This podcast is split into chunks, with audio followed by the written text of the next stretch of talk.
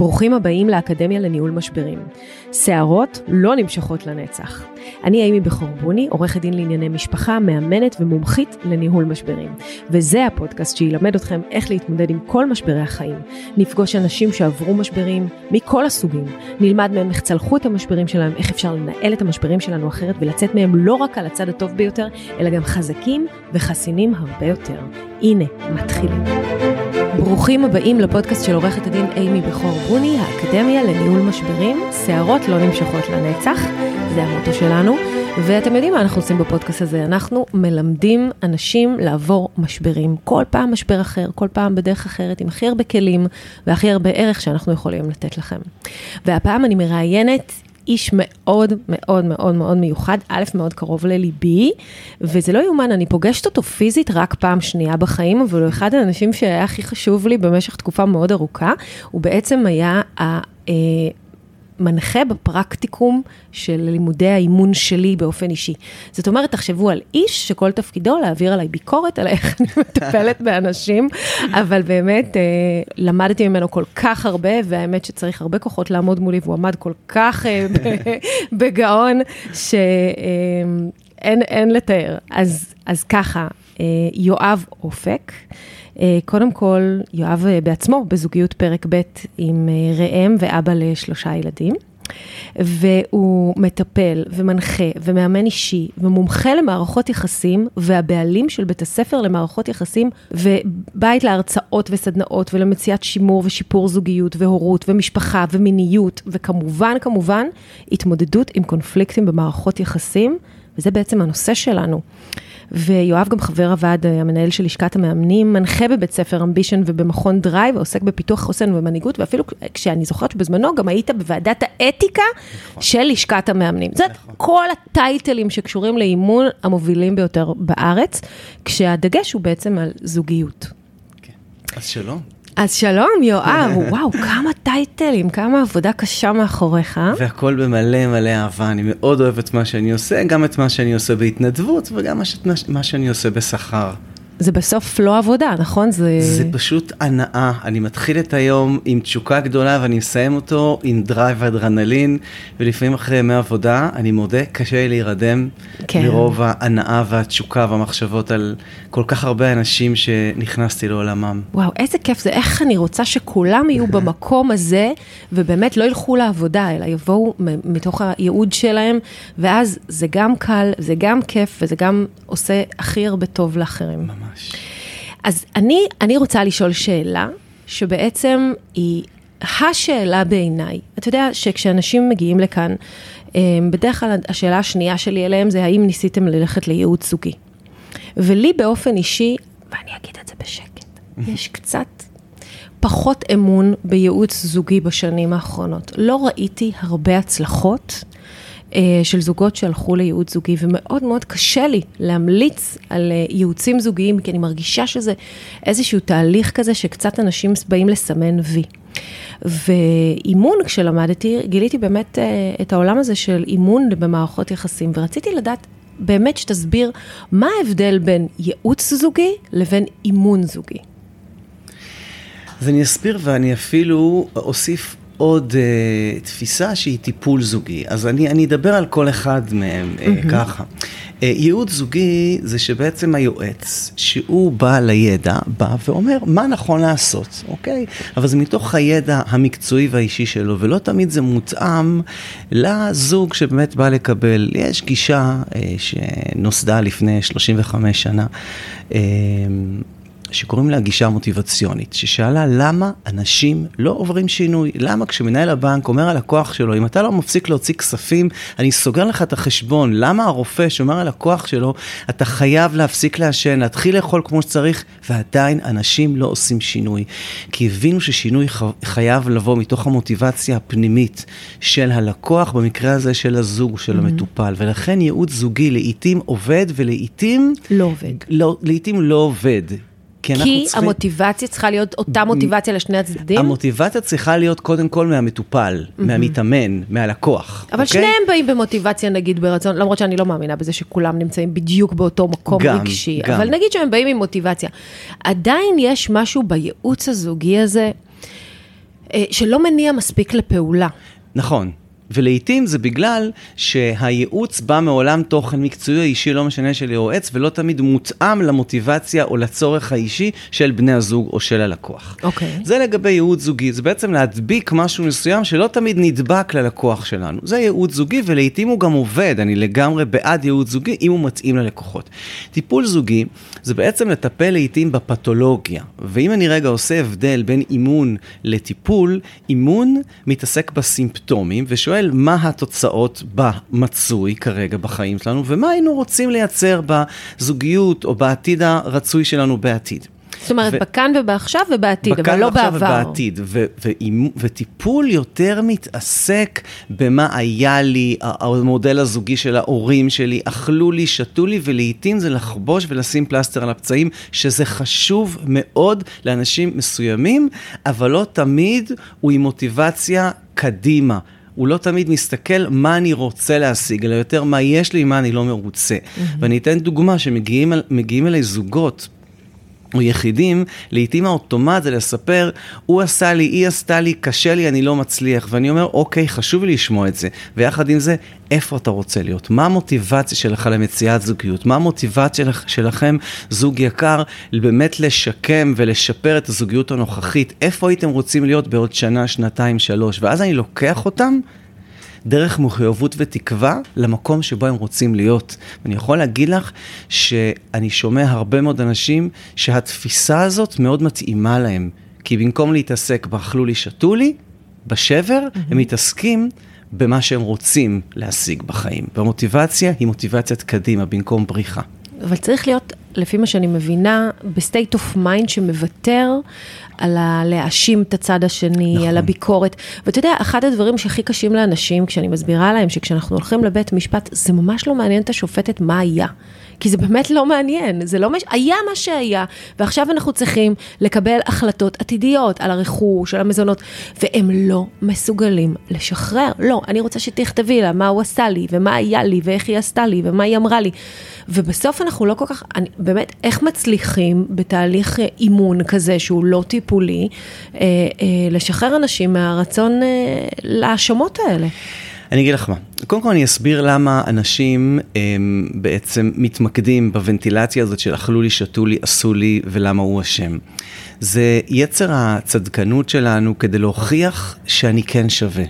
כי ב- כשיש קונפליקט, אנחנו מטבע הדברים מחפשים מי אשם, בגלל מי זה קרה. ולחלק גדול מאיתנו קשה לקחת אחריות, mm-hmm. גם על החמישים אחוז שלנו. ואז אני מחפש כדי להעלות את הערך שלי, כל מיני סיבות שאנחנו קוראים להן הצדקות. למה הצד השני אשם, למה העולם אשם, למה ההורים שלי אשם, למה הגנטיקה שלי, ופה אנחנו לא תמיד לוקחים אחריות, ואנחנו בתהליך של אימון אישי מלמדים לאט לאט את הלקוחות שלנו לקחת אחריות. אבל איך מתוך... זה עובד? אימון אישי או שזה ביחד?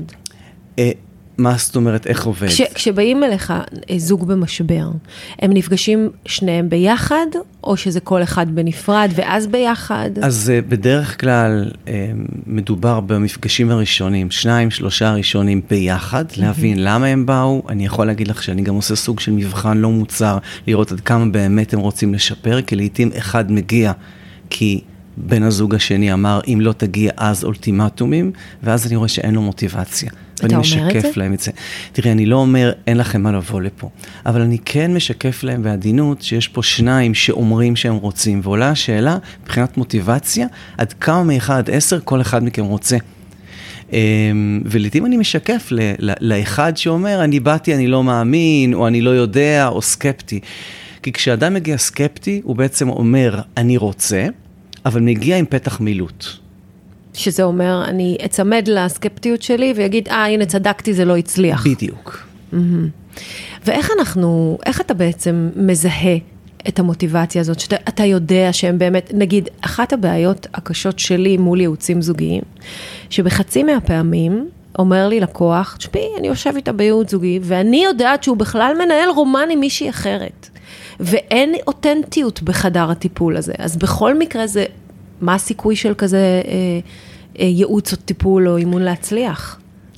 אה, תראי, אני רק אשלים את התשובה כן. כן. של קודם, זה שהשלושת המפגשים הראשונים הם מפגשים זוגיים, ואז יש את המפגש הפרטני. המפגש הפרטני, ופה אני אענה על השאלה שלך עכשיו, הוא גם מפגש שבו אני מזמין את המתאמן להגיד לי כל מה שהוא לא העז להגיד mm-hmm. כשבן או בת הזוג היו שם, וכל דבר שלדעתו עלול, עשוי, אה, להיות חסם או לעכב את התהליך מלהצליח. אמ, אני סומך על האינטואיציות שלי כדי גם לפעמים לשאול את השאלה, האם יש משהו שאף אחד לא יודע? האם יש משהו מאחורי הקלעים שאתה עושה ואולי אתה חושש מלדבר ולספר, ולכן נדרש כאן, אה, אנחנו קוראים לזה ב-NLP רפור, אה, הקשר והאימון עם הצד השני, כי הוא יודע שכל מה שהוא יגיד לי, אני לא אספר לאף אחד. אני כן אספר סיפור. לפני אה, כמה שנים הגיע אליי זוג, היא הגיעה אליי בהתחלה בעצם לבד, והיא אמרה לי שהיא רוצה מאוד לשפר את הזוגיות, אבל זה לא עובד ולא עובד, והוא לא בסדר, והוא לא יוצא איתה, והוא לא אה, מפרגן לה ולא מודד אותה, ובאמת, אחד שהצטייר לי כאחד שקשה מאוד לחיות איתו בזוגיות, ממש נרדם. אחרי ארבעה-חמישה מפגשים, הוא גם הגיע. Mm-hmm. והוא אמר לי, יש דברים שאתה לא יודע. אמרתי, מה אני לא יודע? שאלתי אותה, מה אני לא יודע? היא שתקה, מה אני לא יודע? הוא אמר, יש דברים מאחורי הקלעים שאני, שאני בטוח שהיא עושה ואף אחד לא יודע. ואני אמרתי לעצמי, טוב, בסדר, לא מספר לעצמו סיפורים. טוב, שבוע לאחר מכן היא הגיעה, שוחחנו, היה מפגש טוב, שבועיים לאחר מכן הוא הגיע, והשפת גוף שלו הייתה מאוד מאוד טעונה ומתוחה. אמרתי לו, אני שמח שהגעת, מה קורה? הוא אומר, תספרי לו.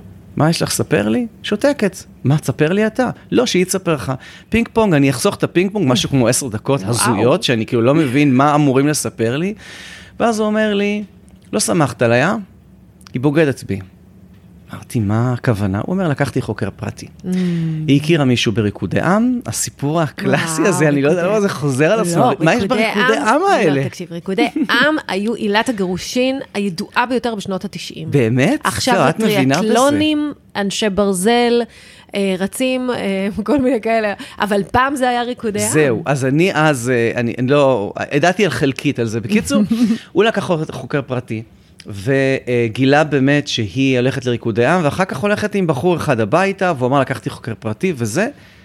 היית בהלם? אני קודם כל רוצה להגיד לך, אני הרגשתי פגוע, הייתי בהלם, הרגשתי נעלב. אני הייתי איתה משהו כמו חודש וחצי, והייתי בטוח שיש בינינו קשר של פתיחות וביטחון. אמ, והוא אמר לי, זהו, עכשיו אתה יודע, קם והלך. כן. אני חייב להגיד לך שהיה מתח שהיה אפשר לחתוך באוויר בקליניקה. ובאותו רגע שאלתי את עצמי, יואב, מה הדבר הנכון בשבילך לעשות? כי מצד אחד מאוד נפגעתי, שהיא עבדה עליי, היא לא סיפרה לי. Mm-hmm. מצד שני הבנתי שהיא לא צריכה עוד מישהו שיאשים ויוכיח אותה. אני זוכר שקמתי, אמרתי, אני יכול לבוא לשבת לצידך? מה? ישבתי במקום שהוא ישב. התחילה לבכות. והבנתי שאני לא... המקום שלי כרגע הוא לא להיות הנוקשה, הנעלב, הפגיע, אני לא יואב האישי, אני יואב איש המקצוע. אמרתי לה, אני רואה שאת מאוד פגועה וקשה לך. בואי תבכי, נתתי לה, הגשתי לה את הטישו, ואחרי כמה דקות שהיא בכתה, התחלנו לשוחח. ואז היא אמרה לי, למה היא הסתירה את זה?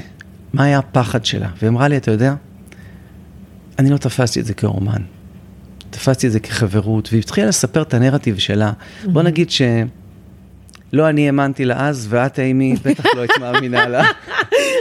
מה זה חשוב, זה בעלה. אבל, אבל הבנתי שזה הנרטיב שלה, ואני חייב להיות במקום התומך, ומשם התקדמנו. אז זה למשל סיפור על בגידות, ואני יכול להגיד לך שלעיתים אנשים נכנסים לקונפליקטים, ובאמת לא מודעים לזה שהם חלק מהאחראים לקונפליקט הזה. אני מסכימה איתך, יש הרבה סיפורים כאלה, הם קצת גסים, אבל כמו, אבל לא הייתה חדירה, זה לא נחשב בגידה. כן, אה, בדיוק. היינו רק, ב... כן, אני מכירה את זה טוב, אבל זה באמת אה, עיוורון אה, וחוסר לקיחת אחריות, אבל אני חייבת להגיד שאני עמומה מההתנהלות שלך, אני לא בטוחה שהייתי מצליחה להתגבר על, ה... על הרגע הזה ש...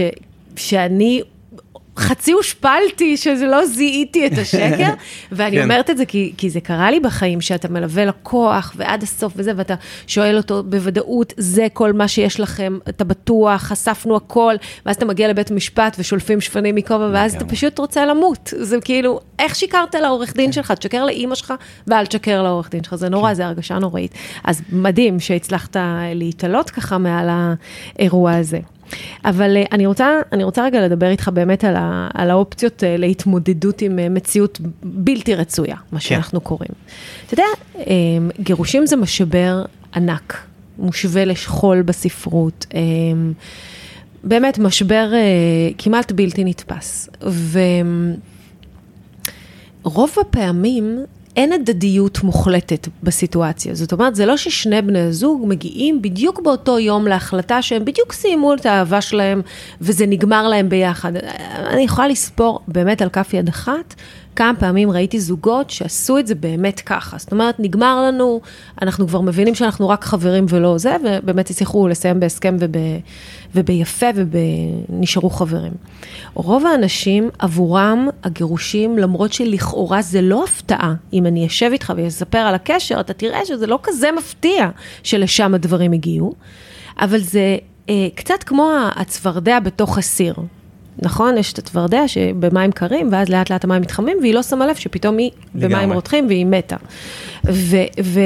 ומתוך כל הדבר הזה, באמת לא שמים לב, לא שמים לב, ואז צד אחד קם ואומר, אני רוצה להתגרש, ואז יש לך מפגש עם מציאות לא רצויה. מפגש שבעצם המהות שלו היא הפתעה, תדהמה, שאני יושבת פה ולפעמים אני אומרת, אבל איך את מופתעת? לא שכבתי איתו ארבע שנים. מה חשבת? וכאילו, הלם, הלם, הלם. ואני, אה, ואני שואלת את עצמי, איך מתמודדים עם אה, כזה אירוע של אה, מציאות בלתי רצויה כזאת?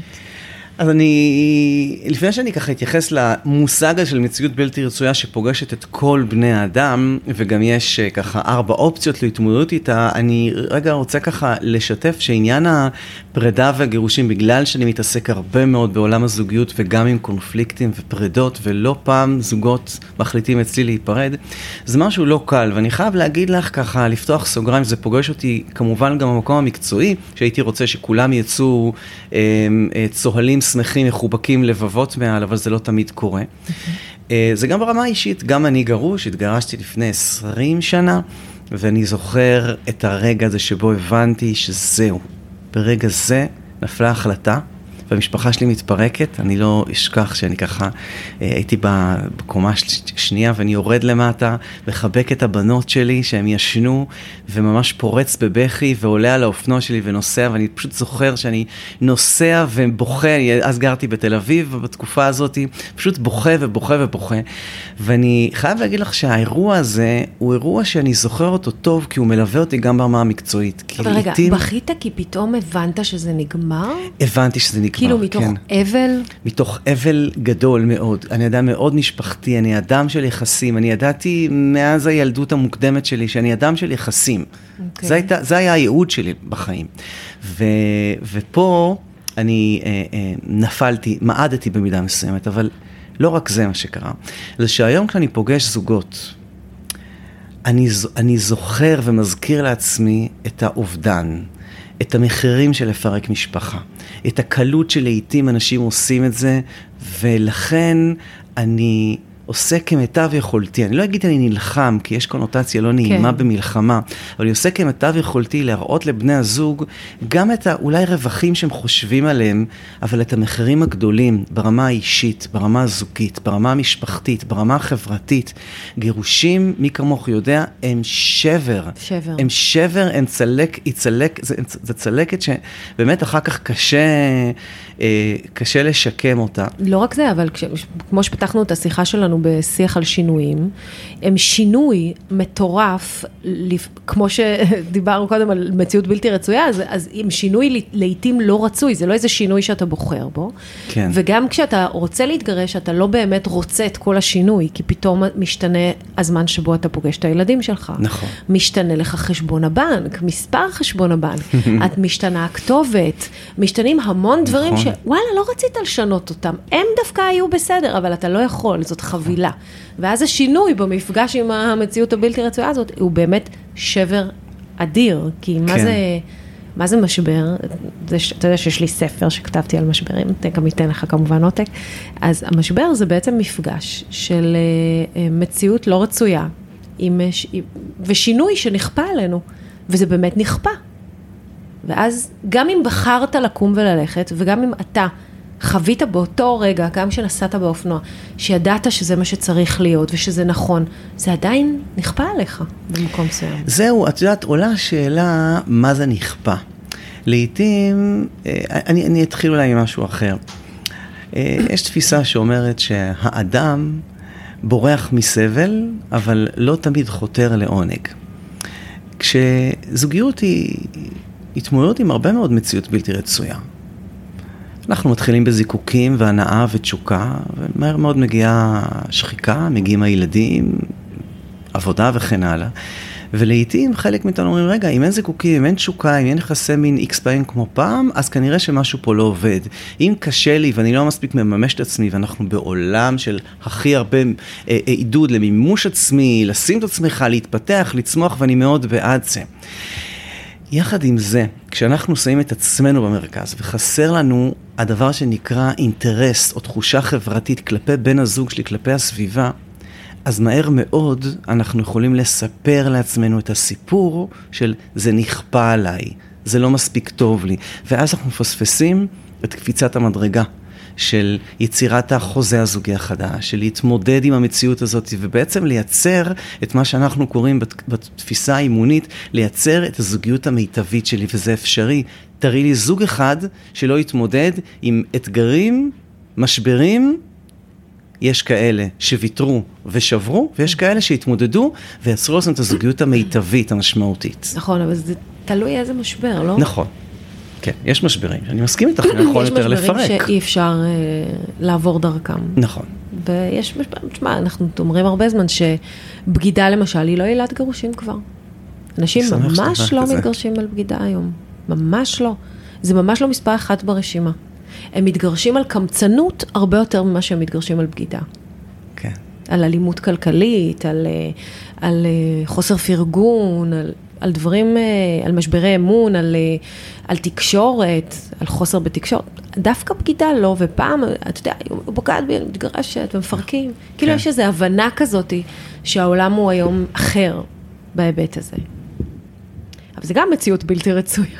בוודאי זו מציאות בלתי רצויה. את יודעת שיש TED של אסתר פרל, פסיכולוגית, שכל כולו מוקדש להתמודדות עם אה, קונפליקטים ובגידה דווקא כמה שיכול לשפר ולהתמיר את הזוגיות. זאת אומרת, היא מדברת על זה שכשיש בגידה, אז אפשר להבין מאיפה היא באה, מה חסר בזוגיות, ואיך אפשר בעצם לפתוח את השבר הזה mm-hmm. ולהתמיר אותו, כן. ודווקא לצמוח מתוכו. אז תגיד לי מה הם בעצם ארבע האופציות שבני האדם, אה, כשדיברת עליהם הרגע, להתמודדות עם אה, מציאות בלתי רצויה? כן, אז ככה, בעצם אה, ארבע האופציות להתמודדות עם מציאות בלתי רצויה זה מודל שגיבשה תלמה ברב. שהיא בעבר הייתה מנחה בכירה במכון אדלר, היא כתבה ספר מומלץ מאוד שקוראים לו לגעת בחיים.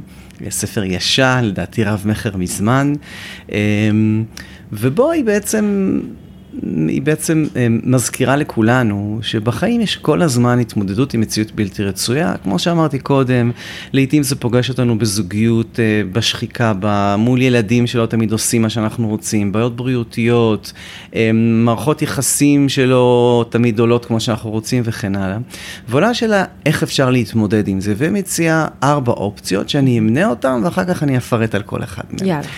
האופציה הראשונה זה להתנתק, בעצם להתנתק מהמציאות הלא רצויה.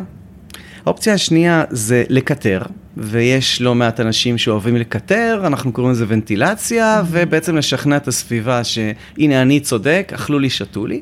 האופציה השלישית זה לשנות או להילחם במציאות, ולא תמיד זה עובד, לעיתים זה עובד חלקית, אני אסביר עוד מעט למה, והאופציה השלישית היא לשנות ולזרום במציאות. בכל אחת מהאופציות יש מחירים ורווחים. אז בואו mm-hmm. נסתכל שנייה בהיבט הזוגי על uh, זוג שבחר להתנתק. הניתוק מאפשר להם להתנתק מהמציאות הלא רצויה. להתנתק מבחינתך זה אומר שהם כאילו חיים כמו שותפים, לא מתקשרים אחד עם השני. תלוי, להתנתק זה יכול להיות לחיות באותו בית בחדרים נפרדים, כן. ולהתנתק זה יכול להיות גירושים. Mm-hmm. בכל אוקיי. מקרה, ניתוק יש לו את הרווחים, מתנתקים מהמציאות הלא רצויה, מהמריבות, מהחיכוכים אמ, וכן הלאה, וגם אמ, מתנתקים אבל.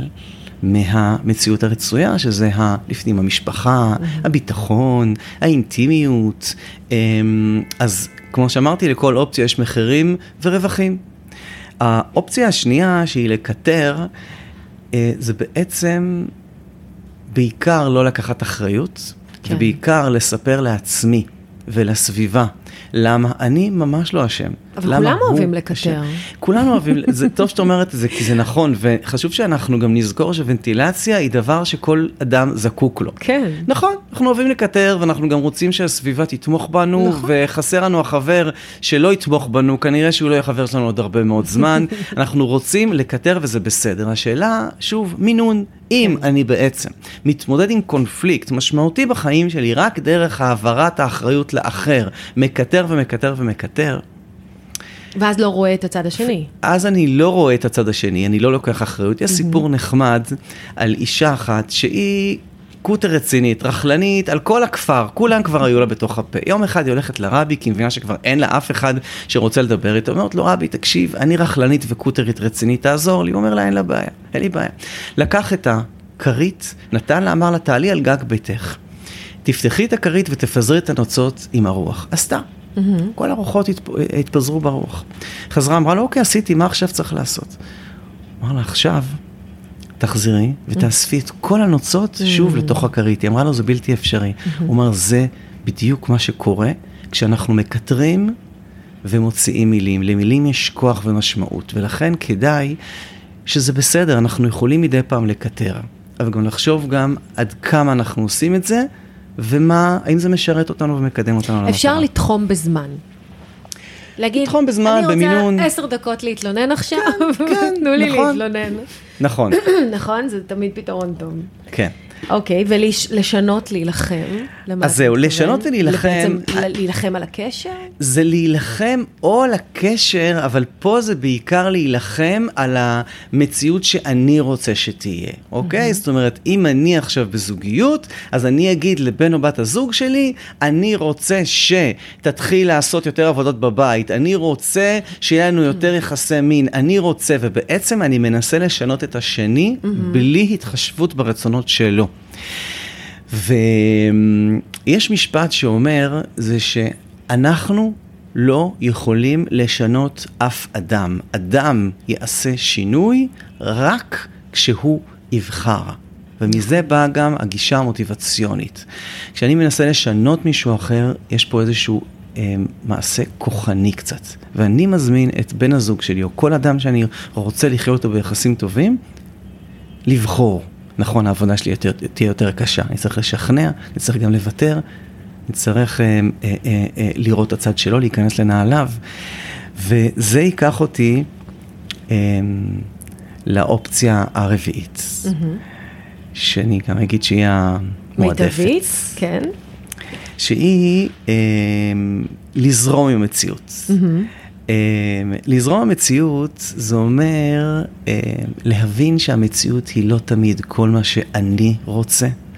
אה, ובזוגיות לא יהיה לי כל מה שאני רוצה תמיד, ואני אצטרך להביא הרבה מאוד גמישות. וכמו שאת רואה, אני אוהב להשתמש במשפטים, אז אני גם פה אומר משפט שלדעתי הוא מאוד סמלי לכל מה אוקיי. שקשור לזוגיות. כשרוצים לחבר שני חבלים בקשר, כל אחד מהחבלים נדרש לוותר על חלק מאורכו לטובת הקשר. נכון. וזה מסמל מאוד זוגיות. אה, במשפט היה את, הייתה את המילה ויתור, אז אני לא בטוח שלכל אחד יתאים לוותר על עצמו, אבל אני כן אכניס לפעולה את המילה גמישות, אוקיי? כשאנחנו מביאים גמישות, הכלה של האחר, הבנה שלא כל מה שאני רוצה יהיה בקשר, אז אני שואל את עצמי מה הדברים הכי חשובים לי, ומה אני מוכן לוותר, ומפה נוצר הקשר. אני, אני רוצה לדבר על המילה אהבה, שהופכת להיות uh, מילה גסה כשמדברים כבר על אה, זוגיות בטח ארוכת שנים. אבל אני רוצה להגיד שהוויתור, או הגמישות, או ההסכמה לשנות, או ההסכמה לזרום עם מציאות שהיא לא בדיוק בדיוק כמו שהיינו רוצים אותה, לא יכולה לבוא אם אנחנו לא אוהבים את הצד השני. והרבה פעמים אנשים לא מבינים את זה, הם מנסים לתקן יחסים, ואולי לא תסכים איתי בעניין הזה, הם מנסים לתקן יחסים, למרות שכבר הם לא אוהבים אחד את השני. הוא אמר לי, תשמעי, היא חמודה, אני מחבב אותה, היא אימא של הילדים שלי, תראי, הוא בן אדם טוב, אני תמיד, היא אומרת לי, הוא בן אדם ממש טוב. אוקיי, אבל את אוהבת אותו? את יודעת, אוהבת אותו. כמה שנים אפשר לאהוב? אני עשרים שנה איתו. אני מרגישה שאנחנו מוכנים לעשות המון הקרבה בשביל אנשים שאנחנו באמת אוהבים אותם.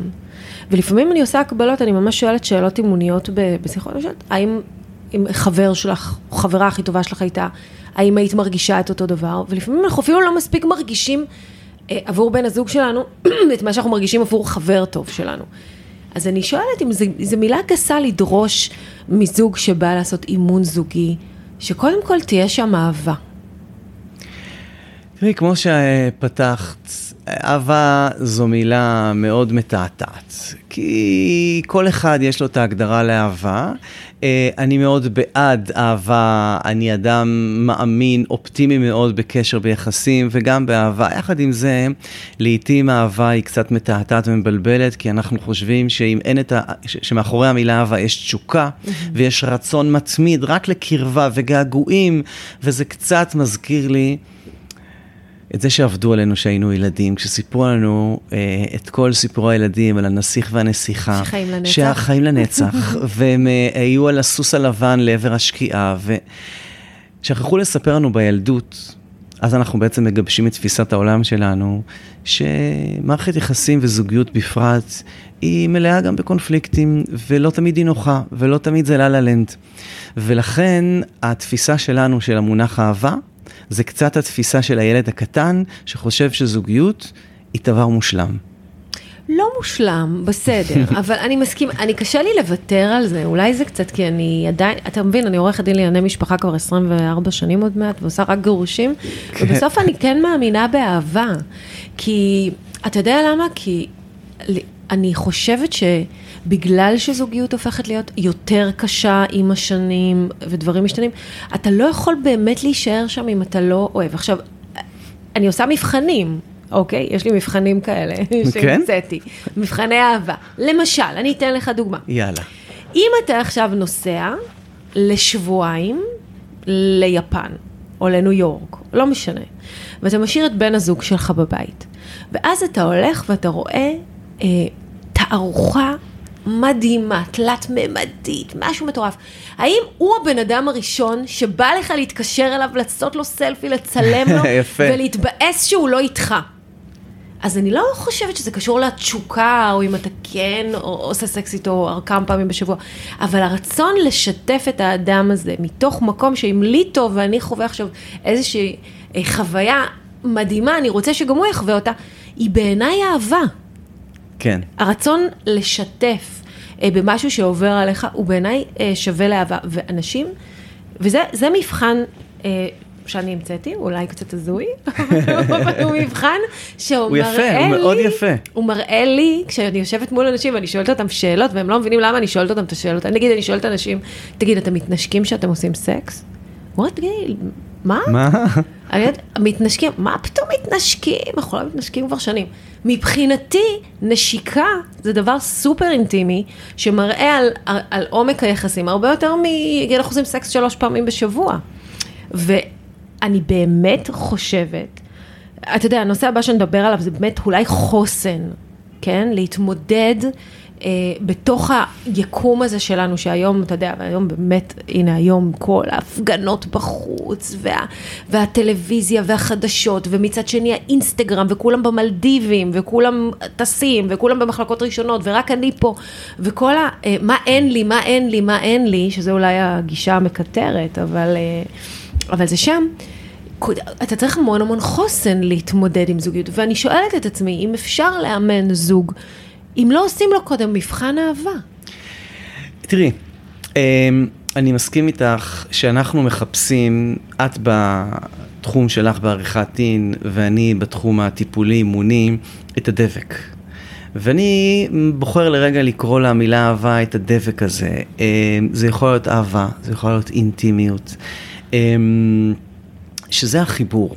כן, ויכול החיבור. להיות שהחיבור זה הגעגוע כשמתרחקים, יכול להיות שהחיבור זה השיתוף אה, אחד של השני, זו התמיכה, ואת יודעת מה, אולי גם זה תלוי בתקופות חיים. נכון. כן. כן. אה, צריך אז אני, לבחון אני את זה לאורך מסכים זמן. איתך לגמרי שחייב להיות איזשהו בסיס. אנחנו לא, לא מרחפים באוויר ואנחנו רוצים לייצר איזשהו ביטחון וודאות בזוגיות הזאת, אז אני מסכים איתך שצריך בסיס. אני גם מסכים איתך, אה, נו- נורא כיף לי ונעים לי להתחבר למילה אהבה. אני רק רוצה להזכיר לך שהמשמעות של כל מילה היא אחרת והמשמעות של המילה אהבה יכולה להישמע כ-יש לנו או אין לנו, אין לנו, יאללה מפרקים. נכון. זה, צריך להיזהר עם זה. אה, אני כן, אני כן אומר שבעשרה פרמטרים שמרכיבים זוגיות, אז המקום, ה- דווקא יחסי מין אה, מדורגים במקום התשיעי לפני האחרון, אבל כשיש בעיה, חוסר שביעות רצון ביחסי מין, עולים לדבר שני, או הראשון והשני, שזה? שזה תקשורת ואינטימיות. אינטימיות זה הדבק, זה נכון. הבסיס. אינטימיות, וכשאני. מדבר על אינטימיות, למען המאזינים, אני לא מדבר דווקא על יחסי מין. אינטימיות קיימת לעיתים, והיא ממש לא קיימת ביחסי מין כמו סטוצים. יש נכון. סטוצים שהם רק לסיפוק מיני, ללא שום קשר לאינטימיות. אינטימיות יכולה להיות קיימת גם באנשים שללא שום קשר לזוגיות אה, אה, זוגית, זאת אומרת, כמו עם ההורים שלנו, עם הילדים שלנו, עם החברים שלנו, אינטימיות כוללת את הרגש, הביטחון, היכולת לשתף, היכולת להיות ביחד. זה חובה, נכון? ה- זה חובה. אוקיי. זה חובה במערכת יחסים בכלל. זה הדבק, זה הדבק. אני מסכימה. זה הדבק. אז אפשר לקרוא לזה אינטימיות. ל- זה אהבה מסוג... אה, כן. מסוג יחסים אינטימיים. כן. כן, אני, אני קונה את זה בשתי ידיים. אני באמת חושבת שבלי זה אי אפשר. פשוט אי אפשר. אז אני, אבל אתה יודע, אנחנו עכשיו אה, אה, מדברים על, אה, על העידן הזה, שבעצם כל מי שבא למשרד הזה בשנה האחרונה, כל מי שבא למשרד הזה בשנה האחרונה, אמרה לי, אני נשואה לנרקסיסט. וכל מי שבא למשרד הזה בשנה האחרונה אמר, אני נשוי לנרקסיסטית. וכאילו הנרקסיזם שלנו, שבעצם יש לכולנו קצת נרקסיזם, אנחנו כולנו קצת נרקסיסטים, בטח בגלל העידן הזה שאומר, אה, תשים את עצמך במרכז, אה, אולי מהפכת התודעה, בוא תפתח את עצמך, וזה הפך אותנו לעוד יותר נרקסיסטים. אבל ה, ה, יש פתולוגיה נרקסיסטית ונרקסיסטים שבאמת, זה כבר אי אפשר לחיות ככה, ויש נרקסיזם שהוא חצי בריא כזה. אבל בכל אופן, כדי להתמודד עם הנרקסיזם הזה, אנחנו צריכים חוסן, נכון? אה, כן, קודם כל בוא, בוא נדבר על המושג הזה, נרקסיסט, שאני הכרתי אותו תמיד ככה, אבל מי שככה קצת חידדה לי את זה ופתחה לי את העיניים, זאת גם אה, ככה חברה טובה שלך, אה, רות דיין פופנר. נכון, היא מדברת מלא על נרקסיסטים. שמדברת הרבה על נרקסיזם. כן. אמ, באופן מאוד ישיר, אמ, אני מאוד אוהב את זה.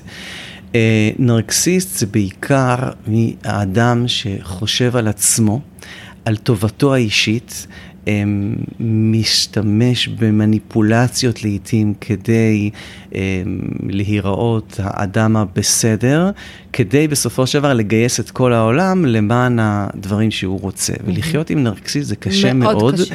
אמ, אתה ולה- יודע מה עוד יותר קשה? מה? להתגרש מנרקסיסט. להתגרש מנרקסיסט? מאוד מאוד קשה. קצת אה, תגידי על זה משפט. מניפולציות ושקרים, ולא משנה מה, אם את רוצה את זה, דווקא הוא לא רוצה את זה. והסתת הילדים בצורה מאוד אינטליגנטית, לא כזאת שאנחנו אה, חשים אותה, אתה יודע, יכולים לשים לו אזיקים, אה, לא כזאת שאפילו אנחנו יכולים לקרוא לה ניכור, דברים מאוד מאוד מאוד מתוחכמים, אה, עריכת הסכמים וחזרה מהם במשך חודשים ארוכים, סחיבת התהליך, דברים איומים. כן. הי- והייתי על קצה המזלג, אבל אנחנו רואים את זה ויותר ויותר ויותר ויותר. כן. את יודעת שהתפיסה העיקרית שבה אני עובד היא התפיסה של הפסיכולוגיה האדלריאנית. והפסיכולוגיה האדלריאנית מדברת הרבה מאוד על תחושה חברתית, על שייכות, על אינטרס חברתי. וכשאת מדברת על נרקסיזם, זה בדיוק ההפך. זה במקום להסתכל על האחר, מתוך מקום של חמלה, אמפתיה, אמ, ויכולת גם לוותר על העצמי, נרקסיזם זה בדיוק ההפך מזה. זה לחשוב רק על עצמי, נכון. ובדיוק לחשוב מה אני לא אתן לאחר, או מה אני אקח מהאחר לטובתי האישית. אמ, זה לא זוגי. זה מאוד לא זוגי, מאוד לא זוגי. מה עושים? מגיע אליך לחדר זוג, ואתה כן. רואה שהבעל נרקסיסט. תראי, אני מאוד מאמין בשיטת של הצטרפות והובלה. הצטרפות והובלה זה לא להיכנס באדם ישר, וכבר את מבינה שחלק מהטקטיקה, האסטרטגיה שלי היא גם להיכנס באנשים, אבל באופן חכם. כן. כי ברגע שאני אכנס באדם ואגיד לו, תקשיב, אתה נרקסיסט, מטבע הדברים איבדתי אותו. נכון. ואז גם איבדתי את הזוגיות שלהם, וחבל אם על יש הזמן. משהו שנרקסיסטים לא אוהבים, זה שאומרים להם שהם נרקסיסטים. יפה, יפה. לפעמים אני לא מתאפקת, ואני אומרת בבית משפט, אתה נרקסיסט, ואז נהיה בלאגן. יפה, אוקיי. אה, אז אני, אה, אני פעם הייתי בגישה מאוד מאוד מאוד ישירה, והבנתי את המחירים שאני משלם. אה, אז היום אני קודם כל משתמש בהצטרפות והובלה, ואני יכול להגיד לך שהיו אצלי בקליניקה לא מעט נרקסיסטים. אה, אחד מהם היה, אני זוכר, לפני שנה וחצי, סיפר, אני הייתי המאפיונר של רמת השרון, כולם פחדו ממני, כן. ואת יודעת שעד עד היום, כולם מכירים את השם שלי וכן הלאה, והוא הגיע עם איזה, אה, סליחה שאני אומר, אה, בובה יפהפייה, מקסימה, לידו, וניסה להסביר לי כמה שהוא צודק וכמה שהיא פשוט טיפשה וטועה ולא אומרת האמת. אה, וכמו שאמרתי קודם, האסטרטגיה הייתה קודם כל להצטרף, להוביל אותו, לתמוך בו, כמובן לא לעשות ממנה קטנה, כן, אלא כן. להתייחס בשוויון ערך לשניהם. אבל כן לראות את הכוח שלו, לתת לו את העידוד והפרגון שהוא צריך. אמ, להאמין למה שהוא אומר, כי אני נוטה להאמין קודם כל לנרטיב של כל אדם. אדם אולי משקר לעצמו, אבל הוא מספר סיפור אבל הוא מספר את הסיפור בו. שהוא מאמין כן. בו, בדיוק. ואחר כך, גם ברגע שנוצר הקשר והוא סומך עליי, גם להתחיל לערער את המקומות האלה שמרכיבים את הנרקסיסטיות. מתוחכם. איך אנחנו חייבים להיות מתוחכמים, כי נשים מערכת לך בתור יחסים זה מאמן מתוחכם. לזוגיות נרקסיסטית. מאמן הבית. לא, זה לא מצחיק, אני מאוד מאוד רצינית. כן. אבל אני, אני, כדי שאני ארוויח ממך גם את זה, אני רוצה שתספר לנו על, אה, על החוסן האישי, שבאמת בעיניי זה היום מרכיב, אני, לדעתי זה מחולל האושר הגדול שלנו היום. אם יש לנו מספיק כן. חוסן אישי לעמוד מול כל המציאות הזאת, הרצויה, הבלתי רצויה הזאת שיש לנו ואין לנו אה, אחרת, אז צריך אה, חוסן, ואני רוצה לדעת, חוסן זה מולד או נרכש? זהו. אז חוסן, אה, יש בו מרכיב גנטי. אה, אני חושב שאני זכיתי. כן? אני חושב. כן. זה לא קטע פולני כזה? נשבע לך שלא. אני באמת חושב שאני זכיתי, יש לי הורים שיהיו בריאים, שיש בהם חוסן. אני לפעמים מתקשר לאימא שלי, אומר לה, אימא, איפה אבא? והיא אומרת לי, אני לא יודעת, הוא יצא בבוקר לטייל איפשהו ברכבה, אבא שלי אין לו פלאפון, והוא אה, הצהיר לא שבחיים לא יהיה לו פלאפון. אני אומר לה, אימא, אבל עוד מעט ערב, את לא דואגת לו? היא אומרת, לא, אני לא דואגת. כאילו. כשיקרה משהו, אז בטח אני אדע. אותו דבר לגבי הסרטן, אימא שלי חלתה בסרטן. ואימא שלי מדי פעם, כמו שחולה סרטן יודעים, צריכה לעשות בדיקות, והיא לא לחוצה. היא לא לחוצה מכלום, היא אומרת לי. אני עושה את מה שצריך. ברוב המקרים הדברים מסתדרים. כשיהיה לי צורך לדאוג, אני אדאג. איזה מדהימה. ו- ו- ובאמת, יש לי הורים מדהימים, ואז אני זכיתי אה, בהיבט הגנטי, אבל אה, בואו לא נבאס את אלה שלא זכו בהרכב הגנטי, בפולנים, שמה שנקרא, כל משבר קטן שובר אותם לרסיסים. ואני כן יכול להגיד לך שיש בהחלט, אפשר ללמוד, אפשר, חוסן זה כמו שריר. אה, אבל בואו נלך טיפה אחורה. אה, חוסן הוא מרכיב, כמו שאמרת, מאוד מאוד מאוד חשוב בחיי האדם ובחיי בחיי החברה. אה, אני גאה להגיד שהחברה הישראלית, דווקא עכשיו, אה, בימים הטרופים שלנו, מביאה הרבה מאוד חוסן, למרות הקונפליקטים. אה, להתמודד עם המציאות הבלתי רצויה הזאת. אה, ואולי דווקא בגלל שאנחנו מדינה חדשה שמתמודדת עם קונפליקטים, אנחנו מדינה עם הרבה מאוד חוסן. עכשיו בואו נדבר על למה החוסן קצת חסר אה, ב-10-20 שנה האחרונות. משתי סיבות עיקריות. דור המסכים, שבעצם למד שדברים באים בקלות, ואז שדברים לא באים בקלות הם נשברים יחסית מהר. נכון, דבר נוסף זה החינוך לפינוק. נכון. אה, כשאני הייתי ילד, הבנתי שיש דברים שצריך לעשות אותם, בא לי, לא בא לי, אני עושה אותם. צריך לחיות עם אחי בחדר, או עם עוד שני אחים, זה מה יש, היום אוקיי? כלום. היום לא, אוקיי. בעבר הבנתי שאבא בעבודה, ואימא לפעמים בבית איתנו, והיא לא צריכה לפצות אותי על שום דבר, וכשמגיע לי אה, אה, עונש או גבולות, אז שמים לי גבולות. היום, אני גם הייתי מנקה את החדר שלי, אחראית על. האבק, הייתי מנקה לפעמים תריסים. יפה, היו כן. נותנים לי מטלות. כן. אימי, אני בגיל חמש זוכר את עצמי עומד על כיסא שאבא שלי שם לי קטן ואומר לי, בבקשה תשטוף כלים. יש תורנות, שלושתכם, שלושת האחים? עושים כלים ביום שישי, ואני זוכר בתור ילד, עושה כלים, לא בא לי, אני בוכה. מבקש מהילד שלי לשטוף כלים היום, הוא הסתכל עליי כאילו? השתגעתי. בדיוק. טוטאלית. ולכן אנחנו, אנחנו כהורים, אני עושה הכללה לרגע, נוטים בשם ההורות הטובה להיות אבא טוב, כן. ולאפשר לילדים שלנו גם לפנק. ההגדרה של פינוק היא לעשות שירותים מיותרים עבור האדם האחר. אם הילד שלי כבר בגיל צעיר יכול אמ, לערוך את השולחן, יכול להיות שהוא ישים את המזלג והסכין הפוך ובדרך ישבור צלחת וכוס. אבל אני אגיד לו שהוא יכול, אני אאמין בו. אם אה, לבן שלי יש קונפליקט בבית הספר, במקום להתקשר למורה או להתקשר לילד ולבוא לבית הספר לפתור את הבעיות, להגיד לו, אני סומך עליך, שתצליח להתמודד. וכמובן, אני לא מדבר על מקרים קיצוניים שבהם כן. ההורה צריך להתערב, אבל היום אנחנו רואים בעצם מערכת חינוך שבה כל מחנך צריך להתמודד עם שתי כיתות, כיתת התלמידים וכיתת ההורים ההורים, שלהם. ולכן אנחנו רואים דור מפונק, נכון. שלא תמיד יודע להתמודד עם אתגרים ועם מציאות בלתי רצויה. אז איך מגבשים חוסן אישי? אז אני אתחיל קודם כל עם uh, ארבעת אבני הבניין, ואחר כך אני ככה אציין את uh, שבעת השרירים אופה. שיש לכל אחד מאיתנו. יפה, יאללה. אז uh, אבן הבניין הראשונה זה לדעת להרגיע את עצמי. אה, מה שאמרו לנו תמיד, תספור עד שלוש, כן. או תנשום, המוח שלנו נחטף, וכשאני משתמש במושג נחטף, הוא פשוט נחטף.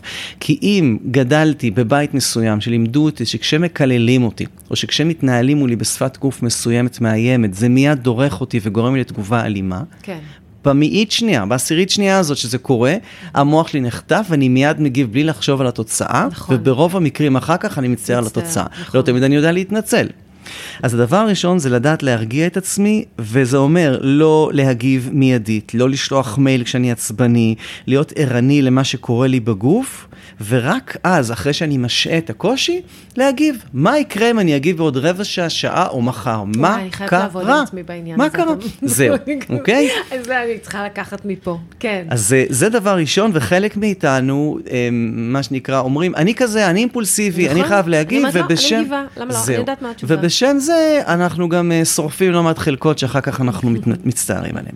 הדבר השני, זה לבחור אסטרטגיה. בעולם ה-NLP, המונח אסטרטגיה מתאר על זה שלכל אחד מאיתנו יש אסטרטגיה לכל דבר שהוא עושה. יש לי אסטרטגיה איך להיכנס לרכב, קודם כל לחגור חגורה, קודם כל להתניע, וכן הלאה, יש לי אסטרטגיה איך להתקלח, mm-hmm. קודם כל להסתבן, mm-hmm. שמפו, איך להתנגב, יש לנו אסטרטגיה גם איך לריב, איך להשלים ואיך להתמודד עם מציאות בלתי רצויה לשם העניין. ולכן לבחור אסטרטגיה זה בעצם לבחור את התגובה שלי באופן קבוע, איך אני מתמודד כשאני נפגע. איך אני מתמודד כשהבן אה, אה, שלי שפך שוקו על הספה החדשה. או כל דבר אחר, או שבר כן. את הכלי שסבתא שלי הביאה מפולניה, במקרה שלי ממרוקו, אוקיי? אז לבחור אסטרטגיה כדי בעצם להגיב באופן קבוע, ולא כל פעם להגיד, רגע, עכשיו אני יוצא מהכלים ומאבד שליטה, עכשיו אני כן נשאר בשליטה. זה דבר אחד, שת, שני. דבר שלישי, זה בעצם להסתכל דווקא בהזדמנות שבפתרון הבעיות. כי קונפליקט הוא הזמנה ללמידה מחודשת איך לפתור את הבעיה. הקונפליקט לא נוצר סתם, כן. זה לא כי הוא אשם ואני צודק. ולכן, אה, היכולת שלנו לפתור בעיה היא קודם כל דרך גישה חיובית. קודם כל אה, להתמקד איך אני מנהל את האנרגיות שלי, ובעיקר לחשוב על התוצאה. Mm-hmm. חלק מאיתנו לא, לא חושבים על התוצאה. הם חושבים כרגע על מה שבא לי לעשות. כן. והדבר הרביעי זה לשמור על האנרגיות שלי, זאת אומרת, גם במהלך הקונפליקט וגם בכלל, כי מה קורה? כשאנחנו נמצאים בחיים מתוחים, ואנחנו נמצאים בחיים במציאות די מתוחה, ואנחנו לא דואגים לוונטילציה, להכניס גם מטעני אנרגיה, דברים שאנחנו באמת נהנים מהם. כן. אושר. אושר מורכב מעשייה והתקדמות, כן. וגם מהנאה. ולעיתים אנחנו שוכחים ליהנות מהדברים הקטנים, mm-hmm. מגלידה, מללכת לים, מלקחת לי חופש, מלראות סדרה מטופשת וכן הלאה.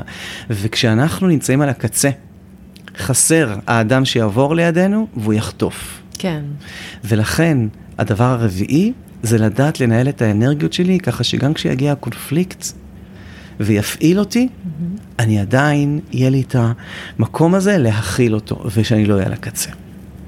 שמע, זה דברים אה, לא פשוטים, אבל זה ממש תוכנית אה, אמיתית ליצירת חוסן. נכון, צריך להתאמן. להתאמן. כמו, כן, כמו שאנחנו הולכים למכון כושר, נכון. ואנחנו בהתחלה מרימים משקל. אה, נכון, אה, ואז זה הופך להיות פשוט חלק ממך. לאט לאט מתחזקים, נכון, נכון. נכון. מדהים.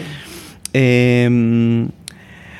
אז... אה, יש מודל נוסף שככה שואל גם, נקרא מודל ההשפעה ומודל הדאגה, שאת מכירה אותו, כן. אה, שבעצם מאוד רציונלי, הוא שואל, רגע, האם הכעס שלי, התסכול שלי, העצבנות שלי, מובילה אותי לאנשהו. או שהיא לא. זאת אומרת, אם אני היום יכול מאוד מאוד לכעס, לכעוס על זה שמצפצפים לי בכביש, זה יעצבן אותי, זה יעזור לי, לא נכון. יעזור לי.